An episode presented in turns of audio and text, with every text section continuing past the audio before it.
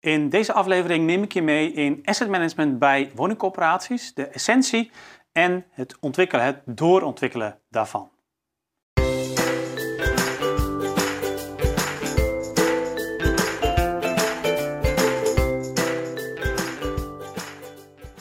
Ja, asset management bij corporaties dus. En um, in deze mini-training ga ik het hebben over wat is asset management eigenlijk. Met name natuurlijk in de context van de corporatie. Vervolgens ook even nog wat verdieping op wat is nou de essentie echt van asset management bij corporaties. Daar wordt nog wel eens anders naar gekeken.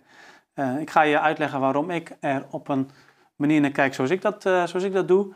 Um, dan ga ik in op de strategische kaders voor asset management. Hè, dus waar je je uh, in de corporatie in ieder geval als asset manager ja, binnen kunt bewegen. Vervolgens komen we op hoe bepaal je nu, eh, de belangrijkste vraag natuurlijk bij asset management, wat doe je uiteindelijk met een complex? Wat is je exploitatiestrategie? Hoe ga je dat uh, bepalen? Um, nou, daar gaan we op in en vervolgens uh, ook op twee belangrijke onderdelen die ik daar nog even uitlicht, is het analyseren van data en vervolgens ook het segmenteren van complexen uh, door middel van die data. dus daar ga ik nog wat, wat dieper op in. Um, en op het moment dat je natuurlijk besluitvorming hebt gedaan voor een, uh, voor een, ja, voor een uh, serie van complexen, um, ja, dan heb je vervolgens natuurlijk ook weer een heleboel werk om dat ook uit te voeren. En daar ben je als asset manager ook wel degelijk bij betrokken. Um, en ik wil afsluiten met wat kun je nou vandaag al doen om de volgende stap te zetten. Of je nou net bent begonnen als coöperatie of al een tijdje bezig bent of al heel lang bezig bent. Er is natuurlijk altijd een volgende stap uh, in het asset management te maken. En ik zal je een model introduceren waarmee je dat ook voor jezelf kunt bepalen, waar je op dit moment staat en wat jouw volgende stap zou kunnen zijn als corporatie. Nou, eerst dus even, wat is asset management precies? Uh, asset management is natuurlijk eigenlijk het in de, nou, in de vastgoedpyramide, om het zo even te zeggen, is dat het tactische uh, gedeelte daarvan. dus het maakt eigenlijk de verbinding tussen aan de ene kant de strategie, het ondernemingsplan, je portefeuilleplan. Uh, en aan de andere kant uh, wat er in de operatie gebeurt aan verhuur, aan projecten, aan onderhoud, etc. Um, en daarmee is dat asset management wel een hele belangrijke schakel in de organisatie om ja, nou ja, een, een ondernemingsplan, om dat toch ook echt goed te vertalen naar uiteindelijk um, wat er ja, in antwoord op een telefoontje van een huurder of wanneer je iets tegenkomt in een woning, wat er dan moet gaan gebeuren. Nou, even de historie van wat aantal verschillende uh, begrippen. Um, ik ga hier heel snel doorheen hoor, dus uh, het, wordt geen, uh, het wordt geen historisch college. Maar um, heel veel corporaties gebruiken ook nog die termen strategisch voorraadbeleid of vastgoedsturing. wat we hebben gezien is eigenlijk dat we uh, sinds de verzelfstandiging van corporaties, sinds de brutering 19, uh, 1992, 1995, uh, de belangrijke stappen daarin, um, dat uh, corporaties gingen spreken van strategisch voorraadbeleid. In theorie was dat ook zowel eigenlijk op het strategische, dus je portefeuilleplan, zoals je nu zou zeggen, en het tactische gedeelte, dus eigenlijk je asset management, complex plannen, uh, was dat gericht. In de praktijk zagen we echter dat dat vooral ging over complex plannen. Um, daarom is uh, uh, in 2006 heeft uh, Martijn Eskenazi de term vastgoedsturing geïntroduceerd om ja, ook ja, dat strategisch voorraadbeleid eigenlijk een beetje op te tillen naar een wat hoger niveau, naar meer dat strategische niveau. en sinds 2012 is met name de term asset management geïntroduceerd in de corporatiesector om ook ja, te benadrukken dat ook het financiële aspect van belang is. en om ook te benadrukken dat het ook wel degelijk mogelijk is om je bijvoorbeeld als corporatie te vergelijken met andere uh, ja, woningverhuurders. Uh, hoewel je natuurlijk op een heel andere manier naar je woningen kijkt uh, uiteindelijk. Um, nou, dat asset management heeft zich inmiddels wel doorontwikkeld. daar kom ik straks nog wel even op terug bij die essentie. Sowieso kun je, ja, asset management gaat echt over de complexplannen. En dat kan dus ook niet zonder portefeuille management, want dat vormt uiteindelijk ook weer het kader voor het asset management. Uh, je moet natuurlijk wel weten wat je met je portefeuille als geheel wilt, portefeuille management, om uiteindelijk op complex niveau ook ja, verstandige uh, en, en, en, en daarbij horende strategieën te kunnen ontwikkelen. Um, dus op het moment dat je nog steeds over strategisch voorraadbeleid uh, spreekt als coöperatie, helemaal niks aan de hand. Um, je hebt het in principe gewoon over hetzelfde um, als portefeuille en asset management. en probeer daar dus ook niet te veel een, eh, een semantische discussie van, eh, van te maken. Dan de essentie van asset management. Wat is nou de essentie van asset management? Nou, als je binnen je eigen corporatie gaat kijken, wie is er nou betrokken bij een woning? Ja, dan kom je al heel gauw op nou ja, verhuurconsulent, de mutatieopzichter, de projectleider die daar planmatig onderhoud doet, de wijkregisseur, hè, waar het complex in de waar die, die, woning in de wijk staat, de huismeester, ehm, ook de beleidsmaker die daar informatie over uh, verzamelt over, dat, uh, over die woning, over dat complex en, daar vervolgens allerlei dingen van vindt. Uh, maar ook de manager die er om de hoek woont, ja, die vindt er natuurlijk ook van alles van, van dat complex, van die woning. En zo ja, zul je zien dat direct of indirect is bijna iedereen binnen de coöperatie wel betrokken bij die ene woning, die ene willekeurige woning uit je bezit. En zo geldt dat natuurlijk voor alle woningen in je bezit. Um, wat asset management eigenlijk doet, en dat is ook meteen de essentie van asset management, is dat je één eigenaarsrol introduceert in de corporatie. Dit is meteen ook waarom het zo ingewikkeld is om dat um, te introduceren op het moment dat je zoveel collega's hebt die zich allemaal op een of andere manier bemoeien met uh, die woning. Als je vervolgens vanuit één eigenaarsrol uh, ja, naar die woning gaat kijken als asset manager, ja, dan kom je die dus allemaal tegen. En dan zal er ook wel eens wat weerstand zijn van, goh, maar waarom ga ik daar niet over? Of nou, dat. Um, die eigenaarsrol, dat betekent dus dat je als asset manager echt vanuit een eigenaarsrol naar het vastgoed gaat kijken. En dat je dus afwegingen op complex niveau, maar ook zelfs op woningniveau of, of, blokniveau uh, gaat maken. Uh, vanuit een integraal perspectief. Je kijkt niet alleen maar naar de markt. Je kijkt niet alleen maar naar uh, de bewoner. je kijkt niet alleen maar naar het financiële stuk. Je kijkt ook niet alleen maar naar het technische stuk, maar je bekijkt dat juist uh, heel integraal. En um, ja, je, je, maakt ook uiteindelijk het besluit op de combinatie van, die, uh, van, van al die onderdelen. Waarbij veel collega's toch vaak wat meer gericht zijn op het ene aspect of juist op het andere. En dat is ook de bedoeling dat ze dat zijn. Het is niet de bedoeling dat uh, de technisch opzichter um, ook dit de hele tijd allemaal maar uh, in ogenschouw gaat nemen. Nee, die is juist voor dat technische gedeelte aangesteld. Uh, en de asset manager heeft dus ook als meerwaarde dat je dus zo integraal kijkt en dat je al die verschillende invalshoeken bij elkaar kunt brengen.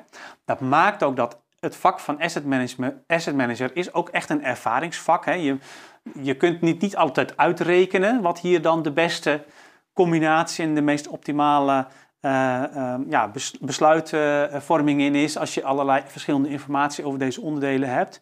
Um, maar je kunt als asset manager wel degelijk uiteindelijk uh, ja, daar, daarin uh, ja, je bewegen en kiezen en, en ook op basis van je ervaring bepalen wat dan uiteindelijk het beste is.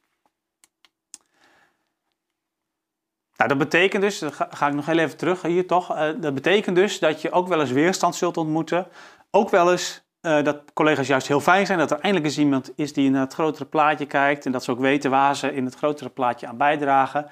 Dat ze duidelijke kaders hebben, um, maar ook zeker wel, wel die weerstand. En dat maakt het dus ook lastig om uh, ja, asset manager uh, of het asset management echt heel goed te introduceren in een corporatie. Vaak zie ik wel dat het wel geïntroduceerd is, maar dat eigenlijk echt die eigenaarsrol nog niet helemaal volledig voor de volle 100% is, is ingevoerd. En daar kun je dus ook nog naar kijken op het moment dat je verder wilt gaan doorontwikkelen. In hoeverre is het nou echt al dat eigenaarsperspectief wat je hebt op je complexen? Nou, dan ga ik echt naar die strategische kaders voor asset management. En voordat je echt met het asset management zelf kunt beginnen, uh, ja, heb je een aantal kaders waar je binnen beweegt als, uh, uh, als asset manager. Um, als eerste is dat het portefeuilleplan. Eh, in het portefeuilleplan wordt eigenlijk geschetst wat is de huidige woningportefeuille. Um, wat is uiteindelijk ook de gewenste portefeuille hè, op basis van marktontwikkelingen, op basis van de vraag van uh, ja, bewoners, van woningzoekenden in jouw werkgebied, maar ook zeker bijvoorbeeld vanuit uh, prestatieafspraken, uh, lokaal, regionaal, nationaal. Um, en dat kan wel eens toe leiden dat je, ja, dat je over een aantal jaren een hele andere woningportefeuille voor je ziet in aantallen anders, maar ook qua mate van verduurzaming, qua betaalbaarheid, huurlasten, woonlasten, ook qua geschiktheid, levensloopgeschiktheid. Um, en ja, daar kun je dan in je portefeuilleplan een wensportefeuille van, van schetsen. Veel corporaties maken daar nog een afslag op, noodgedwongen ook, omdat als je echt kijkt naar wat vraagt nu eigenlijk de omgeving van ons, dan is dat vaak dusdanig veel dat dat financieel of organisatorisch of omdat andere partijen ook nog iets moeten bijdragen, niet altijd helemaal haalbaar is. En dan kun je er dus ook nog een haalbare portefeuille tussen zetten.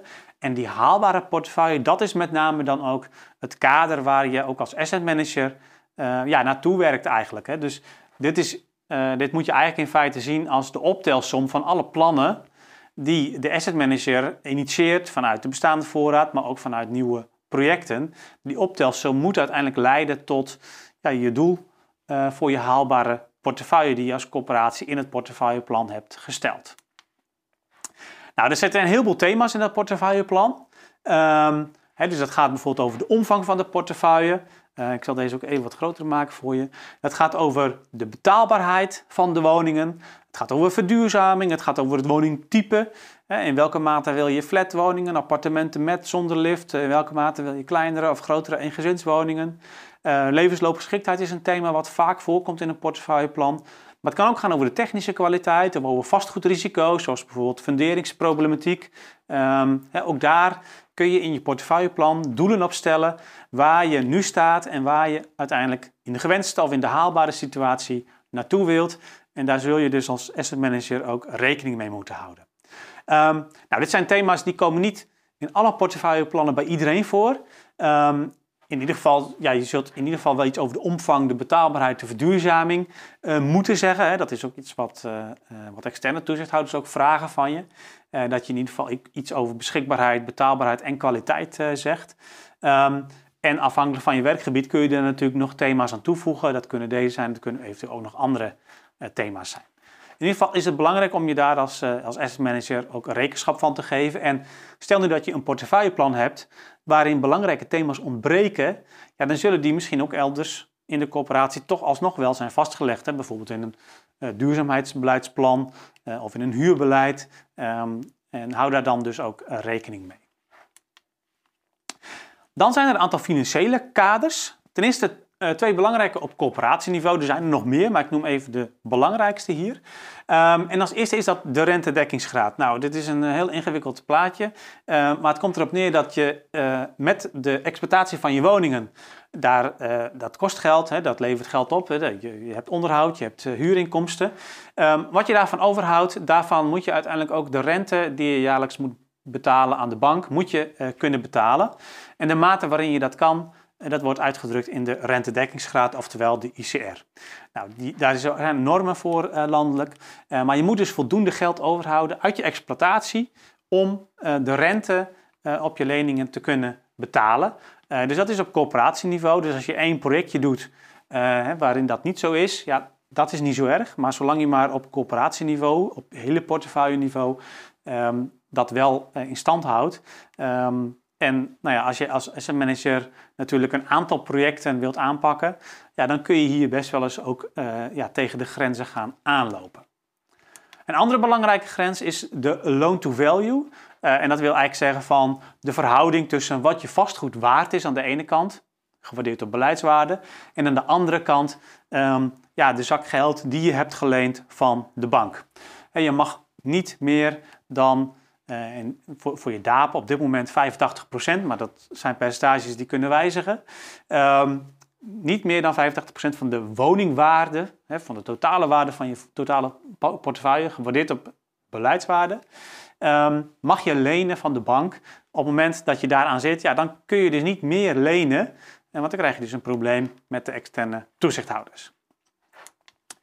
Um, dan is er nog een belangrijke, ook op complex niveau. Dat is ook een van de redenen uh, waarom die term asset management uh, is geïntroduceerd, om dit uh, ja, meer voor het voetlicht te brengen. Um, nou, ik had we hadden het net al over de essentie van asset management. Dan zie je dus dat financiën is zeker niet het enige waar je naar kijkt als asset manager, maar wel een onderdeel van. en op complex niveau kun je dus ook kijken naar het rendement wat je maakt als je ja, dus die woningen exploiteert, verhuurt, uh, eventueel verkoopt. Uh, wat is dan het financiële rendement wat je daarmee haalt? En um, ik hoor toch nog steeds wel mensen zeggen van ja, waarom zou een corporatie eigenlijk rendement uh, moeten maken? Want ja, je bent toch een maatschappelijke organisatie. Nou, dat is natuurlijk, dat is natuurlijk ook zo. Hè? Dus je bent een maatschappelijke organisatie. Je kunt ook niet geld wegsluizen naar aandeelhouders of wat dan ook. Hè? Dus alles wat je verdient, alles wat je aan rendement maakt, dat blijft ook binnen de corporatie. Dan kun je weer opnieuw investeren in uh, ja, in, in, in, nieuwbouw bijvoorbeeld of in verduurzaming. Hè. Dus dat, dat is ook op zich al een reden om, uh, om dit te willen. Uh, maar daarnaast is het ook zo, ook vanuit financieel oogpunt is het belangrijk om een beetje rendement te maken om bijvoorbeeld ook de inflatie um, ja, goed te maken. Hè. Om, daar, om te zorgen dat je niet um, door inflatie eigenlijk steeds minder met je geld, met je vermogen kunt doen. dus daarom is het ook belangrijk om rendement te maken. Um, niet alleen op nieuwbouw, maar ook voor de bestaande woningvoorraad kun je dit gewoon uitrekenen. En natuurlijk ook voor je totale portefeuille. Uh, maar je kunt dus ook op complex niveau gaan kijken, wat is eigenlijk het rendement wat ik hier maak? Uh, en is dat ook logisch gezien de hele context van het complex? Uh, ik zeg altijd, ja, als je um, hele mooie appartementen verhuurt aan middeninkomens, ja, dan is het ook wel logisch dat je als corporatie ook wat rendement maakt. Um, en dan is het eigenlijk niet zo logisch als je daar zwaar verlies op leidt. Want waarom zou je dan die mooie appartementen voor midden- en misschien ook wel hogere inkomens uh, nog aanhouden? dus dat is wel een belangrijke om toch ook naar te kijken, maar vooral ook wel in de context van het hele complex. Nou, dan is de vraag, wat doe je met een, uh, met een complex? Hè? Of je nou of het nou appartementen uh, zijn, uh, oudere uh, of in gezinswoningen, oudere woningen, nieuwere woningen. Um, je wilt eigenlijk van als, asset manager op elk moment wel weten voor je hele portefeuille, per complex wil je eigenlijk weten wat is de strategie met dat complex en hoe draagt dat dan bij tot het grotere geheel. Um, nou, daar kun je een aantal dingen voor doen. Um, en eigenlijk moet je steeds uh, ja, in complex sessies uh, noem ik het dan maar even. Hè. Dus uh, in traditionele zin kun je um, ja, een, een, dagdeel bij elkaar gaan zitten. En alle complexen in een buurt of in een wijk bespreken met alle collega's die daarbij betrokken zijn. Nou, ik zeg traditioneel, maar dat is nog steeds eigenlijk wel een heel goed idee om dat op die manier te doen. Um, ik zou dat niet elke keer op die manier doen en ook niet elk jaar op die manier doen, want het kost natuurlijk ook een hoop, tijd. Um, en je moet ook voorkomen dat je niet steeds elk jaar natuurlijk weer dezelfde herhaling van zetten krijgt. Uh, maar het is best wel goed om dat af en toe eens te doen uh, op die manier. Er zijn ook nog andere manieren om, uh, ja, om dat bijvoorbeeld ook thematisch te doen. Of om het ja, soms ook op een wat lichtere manier te doen. Um, hè, zodat het minder tijd kost en dat je, ja, dat, dat, dat je ook even wel een, wel een check doet op is alles nog actueel, maar niet weer dezelfde discussie opnieuw gaat voeren. Um, je kunt ook uh, ervoor kiezen om bijvoorbeeld elk jaar een aantal complexen uh, te bespreken. Of elk jaar alleen maar de complexen te bespreken die echt in het oog uh, springen. Of waarvan je verwacht dat ze binnenkort misschien wel op een andere manier discussie gaan opleveren. Zodat je dat voor bent. Um, daar kun je op een heleboel manieren invulling aan geven. En ik adviseer je ook om daar een beetje in te variëren. Zodat het ook voor je collega's leuk blijft. in elk geval wat je wel moet doen is dat je in ieder geval als asset manager zelf altijd vanuit verschillende invalshoeken naar een complex kijkt. Dat is ook weer die integrale blik. Dus je kijkt vanuit de huidige bewoners. Eh, ja, zijn die daar tevreden? Ehm, hoe ontwikkelt zich die tevredenheidsscore ook bijvoorbeeld? Dat is, eh, is ook iets wat je in de gaten kunt houden. Ehm, gaan bewoners bijvoorbeeld steeds sneller weer verhuizen uit het, uit het complex? Um, er zijn een aantal dingen die je in de gaten kunt houden. En ook uh, zou je bewoners kunnen vragen, zijn corporaties die dat doen, ook bewoners kunnen vragen naar allerlei aspecten van de woning. Uh, ook als het gaat op het gebied van onderhoud, uh, als het gebied op het, gaat op het gebied van leefbaarheid, kun je ja, best wel veel ook informatie bij de bewoners ophalen. Nou, dan op het gebied van verhuur, hè, dus nou, ligt die woning goed in de markt? Op het moment dat er een woning vrijkomt, ja, zijn er dan veel reacties? willen mensen daar graag wonen?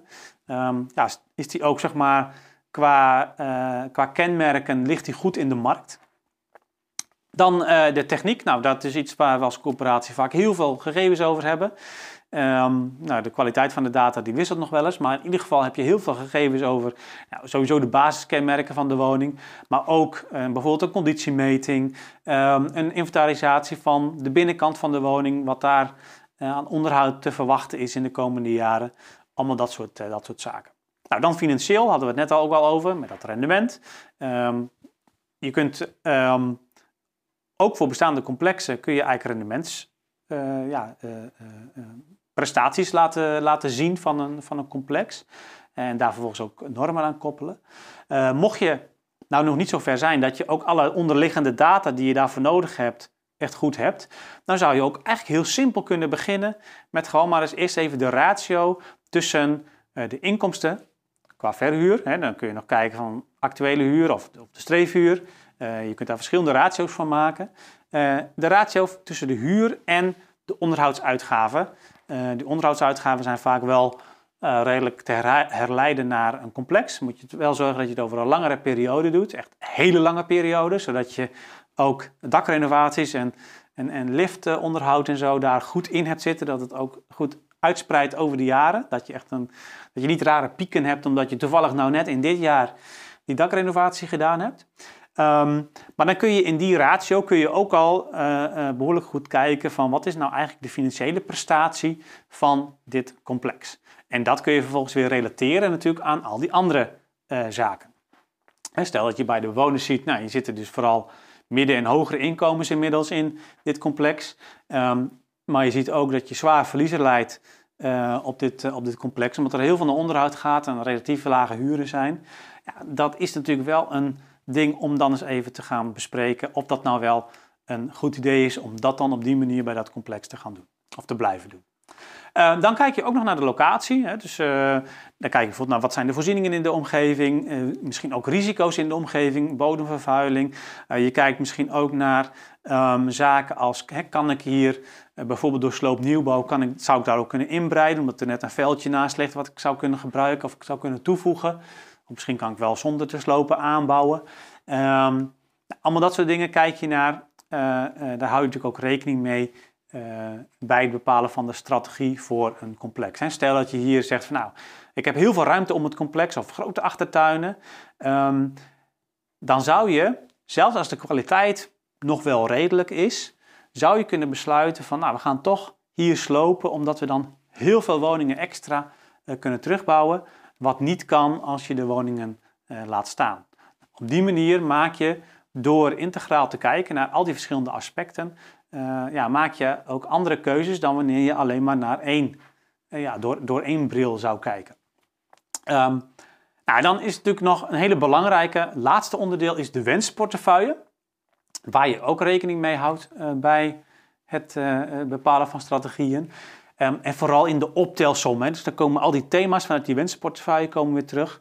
En dan kijk je natuurlijk van ja, draagt dit complex dan iets bij aan uh, aan die wensportefeuille. Stel dat je meer appartementen met lift zou willen en minder zonder lift. Ja, is dit dan een appartement zonder lift? Nou, dan draagt hij wat minder bij. Kan je er misschien een lift bij plaatsen? Nou, dan draagt hij alweer meer bij aan die wensportefeuille. Uh, op die manier kijk je ook vanuit de wensportefeuille naar je individuele complexen. En uiteindelijk in de optelsom uh, ja, moet dat natuurlijk goed op elkaar gaan, gaan matchen een belangrijk onderdeel bij ehm, eigenlijk voorafgaand aan die complexsessies of aan het besluiten over welke strategie ga ik voeren met de complex, is het segmenteren en analyseren van de complexen. Um, nou ja, complex data. Uh, de eerste stap is data verzamelen. Daar kunnen we uh, drie dagen over praten. Um, maar als asset manager moet je het uiteindelijk ook gewoon doen met de data die er nu eenmaal is. En um, het is wel echt een valkuil om als asset manager zelf ook naar de kwaliteit van de data te willen gaan kijken. En ook heel veel nog in de krochten van de organisatie te willen gaan verzamelen. Want voor je het weet ben je alleen maar daarmee bezig. Dus doe het alsjeblieft met de data die er is. Je moet het natuurlijk wel bij elkaar uh, leggen. Um, en de tweede stap is dan vervolgens, en die is natuurlijk het belangrijkste, want daar, uh, ja, daar komt de informatie vrij. Hè? Daar kom je tot interessante conclusies is het analyseren eh, van die complexe eh, data. Um, je kunt eigenlijk op drie manieren analyseren en vervolgens ook dus complexen segmenteren. Dus dat wil zeggen dat je complexen eigenlijk in hokjes gaat stoppen of in, of of in bakjes gaat stoppen. Uh, waarbij, je, waarbij je zegt, nou ja, voor deze complexen, um, als we dan toch x aantal woningen zouden willen verkopen, dan zouden dit de complexen zijn die daar, gezien de data, misschien als eerste voor in aanmerking komen.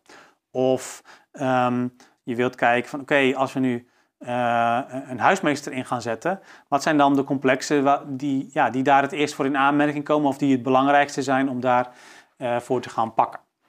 Um, als we nou bijvoorbeeld uh, echt mensen die, ehm, ja, die, die, die het financieel gezien zwaar hebben, echt willen helpen met verduurzamen van hun woningen, waar kunnen we dan het beste als eerste beginnen? Want dan ga je natuurlijk kijken naar Ehm, ja, waar, is, hè, waar kun je het grootste verschil maken met energiebesparende maatregelen, maar ook zitten daar dan ook echt de mensen die dat het financieel gezien het hardste nodig hebben. En uh, waar ligt dan het optimum tussen die twee?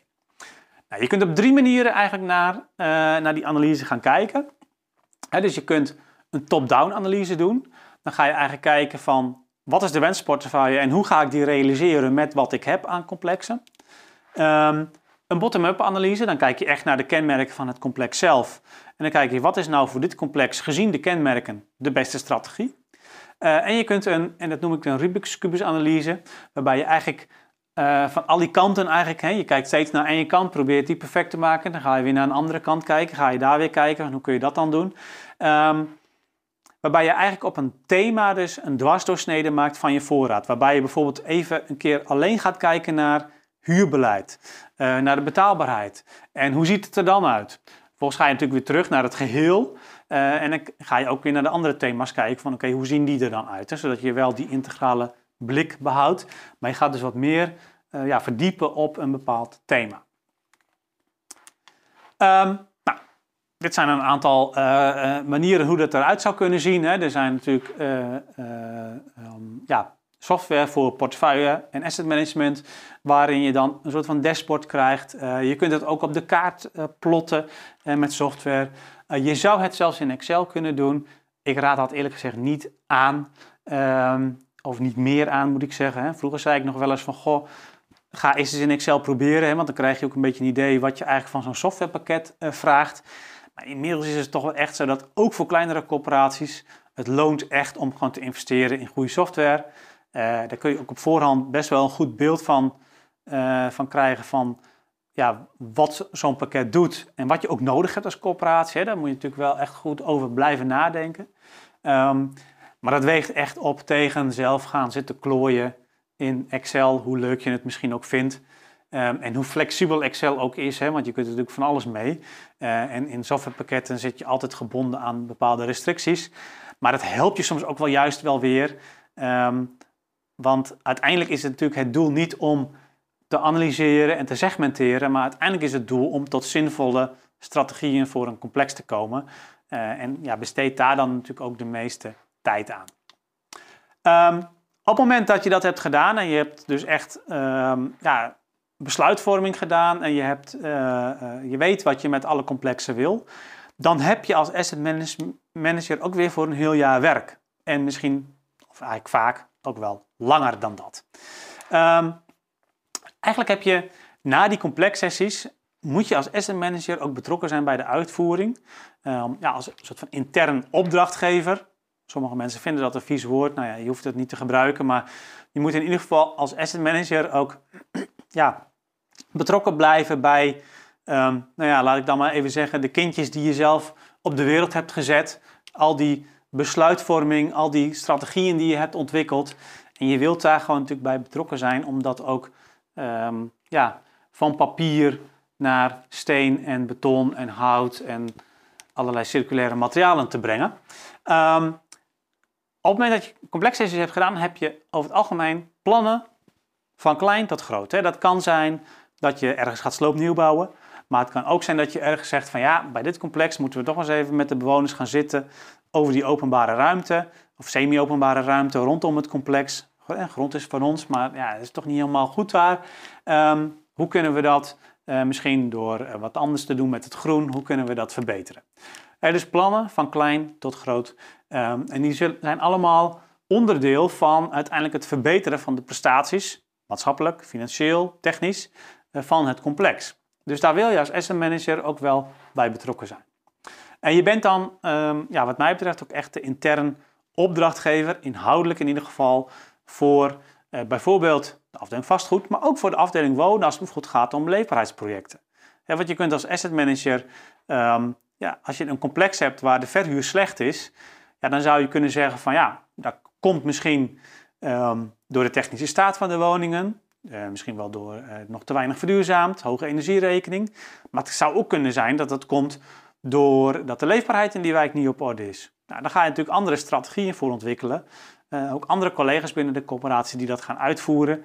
En ook andere collega's waar je dus in feite de interne opdrachtgever voor bent. Let wel, um, hier vindt natuurlijk ook een spanningsveld uh, plaats dan vervolgens met de, de lijnmanagers. Um, de asset manager gaat altijd over het, het, wat. De lijnmanagers gaan over het hoe. Dus je bent als asset manager vooral verantwoordelijk voor dat een woning verduurzaamd wordt. He, dat is jouw uh, dat, dat, is wat, hè, dat is jouw expertise. Daar kun jij van zeggen, oké, dat is het besluit wat we genomen hebben, wat ook goedgekeurd is door, de, door het MT uiteraard. Maar wat je hebt voorgesteld op basis van data, waar je ook echt achter staat, dat moet gebeuren. Maar ja, met welke aannemer en welke technische oplossing precies, dat is echt iets dan voor de lijnmanagers en voor de lijnafdelingen. Um, dus dat is een beetje de verhouding ook tussen die asset manager en, um, en de lijnafdeling, zodat je ook wel voorkomt dat je natuurlijk niet een soort van uh, uh, uh, dictator wordt binnen de corporatie, want dat is nou ook weer niet de bedoeling. Um, hoewel het natuurlijk heel waardevol is dat je integraal kunt, kunt kijken. Nou, dat doe je dan daarna. En dan is natuurlijk nog de vraag van wat uh, kun je vandaag al doen om echt volgende stappen te gaan zetten met je portefeuille en asset management. Uh, nou, daarvoor heb ik dit model uh, ontwikkeld. Ik zal hem ook eventjes wat groter maken weer voor je. Um, waarin je eigenlijk in zeven fasen, van 0 tot en met 6, ziet waar je nu staat ehm, met je portefeuille en asset management. En om ze toch heel kort eventjes toe te lichten. Nou ja, in fase 0 heb je helemaal niks. Ik hoop dat je daar niet zit. Uh, in fase 1 heb je op onderdelen, hè, dus je hebt bijvoorbeeld wel een portefeuille-strategie, maar geen complex plannen, of juist andersom. Um, of in ieder geval zijn ze misschien niet helemaal actueel. In fase 2 heb je dit allemaal wel. Is alles op papier, is allemaal compleet, allemaal netjes, kun je zo uh, laten zien. Um, ja, papier mag je ook digitaal van maken. Um, in fase 3 heb je portefeuille en asset management echt ingebed in de jaarcyclus uh, en is het dus ook afgestemd op je begrotingscyclus, maar ook op de cyclus voor de prestatieafspraken. Um, en is dat ook logisch dat dat zeg maar, elk jaar op die manier uh, gebeurt? In fase 4 uh, eh, ga je nog wat verder verdiepen. dus dan is het niet alleen maar dat proces wat je, wat je loopt, maar dan wordt het ook echt onderdeel van de cultuur van de organisatie. dan is het ook logisch dat als iemand in de uitvoering wat ziet, dat hij al weet van oké, dat is interessant voor de asset manager en dat dan ook doorgeeft, dat daar systemen voor zijn, uh, dat je andersom als asset manager of als portfolio manager ook meer zicht hebt op de uitvoering, daar ook ja, meer bij betrokken bent en voelt. Um, in fase 5 dan ga je nog een stapje verder. Uh, dan ga je misschien ook wel met collega-corporaties samenwerken en samen portefeuilleplan maken en samen uh, naar de complexen kijken. Um, veel corporaties doen dat natuurlijk al op buurtniveau, wijkniveau soms in, in, in wijken. Um, maar als je dat nog wat verder uitbreidt en echt voor je hele werkgebied doet, nou, dan zit je dus echt wel in die fase 5. Uh, eh, in fase 6, ja, die zit er eerlijk gezegd vooral in voor de compleetheid van het model. In fase 6 zit je in de ideale wereld, heb je een glazen bol, kun je alles voorspellen en ben je altijd op tijd uh, met nieuwe maatregelen uitvoeren. Um, het belangrijkste is ook die, die fase 3 eigenlijk, daar zou je eigenlijk minimaal wel in willen zitten. Want op het moment dat je dat goed geregeld hebt, dus dat je logischerwijze elk jaar in je jaarcyclus alles weer update, alles weer netjes doet, alles weer netjes aansluit op prestatieafspraken, op de begroting, um, dan ga je eigenlijk min of meer als vanzelf wel verdiepen. Omdat je, ja, naarmate je dat een aantal jaar doet, krijg je daar ook tijd voor, uh, krijg je er ook meer inzicht in wat je moet doen eigenlijk om ook inhoudelijk verder gaan verdiepen. En dan ga je als vanzelf wel meer deze kant op. dus um, ik maak ook, als je het helemaal plat slaat, onder, uh, onderscheid tussen je hebt geen portefeuille asset management of je hebt het alleen op onderdelen of alleen op papier. En je hebt echt portefeuille asset management in de jaarcyclus.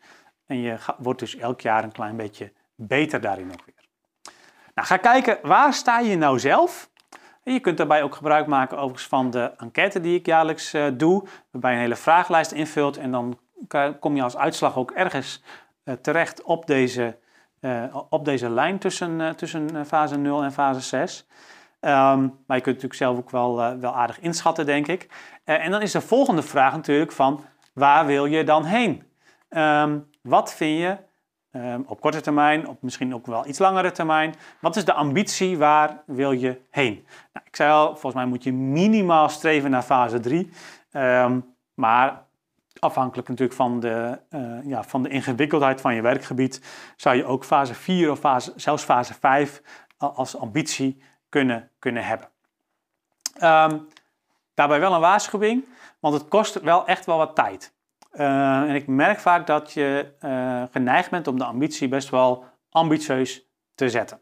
Uh, we onderschatten vaak, of we overschatten vaak wat we in een jaar kunnen doen. tegelijkertijd onderschatten we ook wat we over een periode van vijf of over tien jaar kunnen doen. Als je maar consistent naar het doel toe werkt, dan kun je wel degelijk ook in die hogere fase terechtkomen. Toch even over die tijdsperiode, want ik heb hier even uh, neergezet wat echt wel minimaal in de praktijk uh, de, de, de tijd is die je moet hanteren. Dit is minimaal. Als alle, ja, alle voorwaarden goed zijn, hè, dus je bent het binnen de coöperatie allemaal met elkaar erover eens dat dit echt de bedoeling is en je hebt ook een gezamenlijk beeld van dat je dit wil en je zet ook de schouders eronder en je maakt er ook tijd voor, dan kan dit. Hè, dit, dit blijkt dus uit de praktijk. Um, Alleen het is ook wel zo dat het maar uh, uh, nou ja, ongeveer in 12% van de corporaties die uh, in mijn enquête al meerdere keren hebben ingevuld, die dat al meerdere keren hebben ingevuld, zie je dat het dus maar bij 12% zeg maar, ook in dit tempo gaat. Um, maar het kan dus wel. Maar je moet er wel echt voor kiezen. Um, nou, van fase 1 naar fase 2, dat kan over het algemeen binnen een jaar. Dat is eigenlijk het makkelijkste. Want dan ga je gewoon kijken van wat zijn nou de ontbrekende onderdelen. Nou, stel dat je wel een portefeuilleplan hebt, maar je hebt nog geen complex eh, sessies gedaan. Nou, dan ga je die organiseren. Ehm, dat gaat je binnen een jaar lukken. Um, van dat je het compleet op papier hebt, naar dat je echt in de jaarcyclus werkt. Nou ja, dat gaat per definitie een jaar duren. Want ja, het is tenslotte een jaarcyclus. Dus je, zult, je kunt eigenlijk wel op elk moment instappen in die jaarcyclus. Hoewel het ene moment wat handiger is dan de andere. Maar uh, in principe kan dat op elk moment kun je daarmee beginnen. En uh, ja, dan, ja, dan zul je toch een jaar moeten doen voordat je kunt zeggen dat je de jaarcyclus helemaal hebt doorlopen. Nou, dan van fase 3 naar fase 4, dan wordt het nog wat moeilijker, want dan ga je ook echt stuiten op cultuuraspecten. Eigenlijk moet de hele organisatie dan gaan meedoen. Hè? Hier kun je nog zeggen, ja, met een klein clubje gaan we gewoon al die stappen in de jaarcyclus doen. Uh, ja, dat is leuk, maar als je het echt integraal in de organisatie wilt beleggen, en dus echt ook inhoudelijk een volgende stap wilt zetten in implementatie en ook in terugkoppeling van informatie uit de uitvoering, ja, dan zijn er veel meer collega's bij betrokken die dat ook allemaal een goed idee moeten vinden, um, die daar ook mee moeten leren gaan werken. En dan ben je minimaal wel anderhalf jaar verder voordat je dat op dat niveau hebt. Wil je dan ook nog naar fase 5? Ja, dan zul je er nog twee of drie jaar bij op moeten tellen hè, om van fase 4 naar fase 5 te komen. Want dan ga je ook echt buiten je eigen organisatie kijken. En dan zul je dus ook collega-coöperaties zover moeten krijgen. Of uh, ook ketenpartners uh, zover moeten krijgen. en dan zul je ook je interne proces nog verder op orde moeten krijgen. En nog verder moeten verdiepen. om dat nog beter en beter te maken. Om ook bijvoorbeeld je voorspellingen beter te maken. Betere data.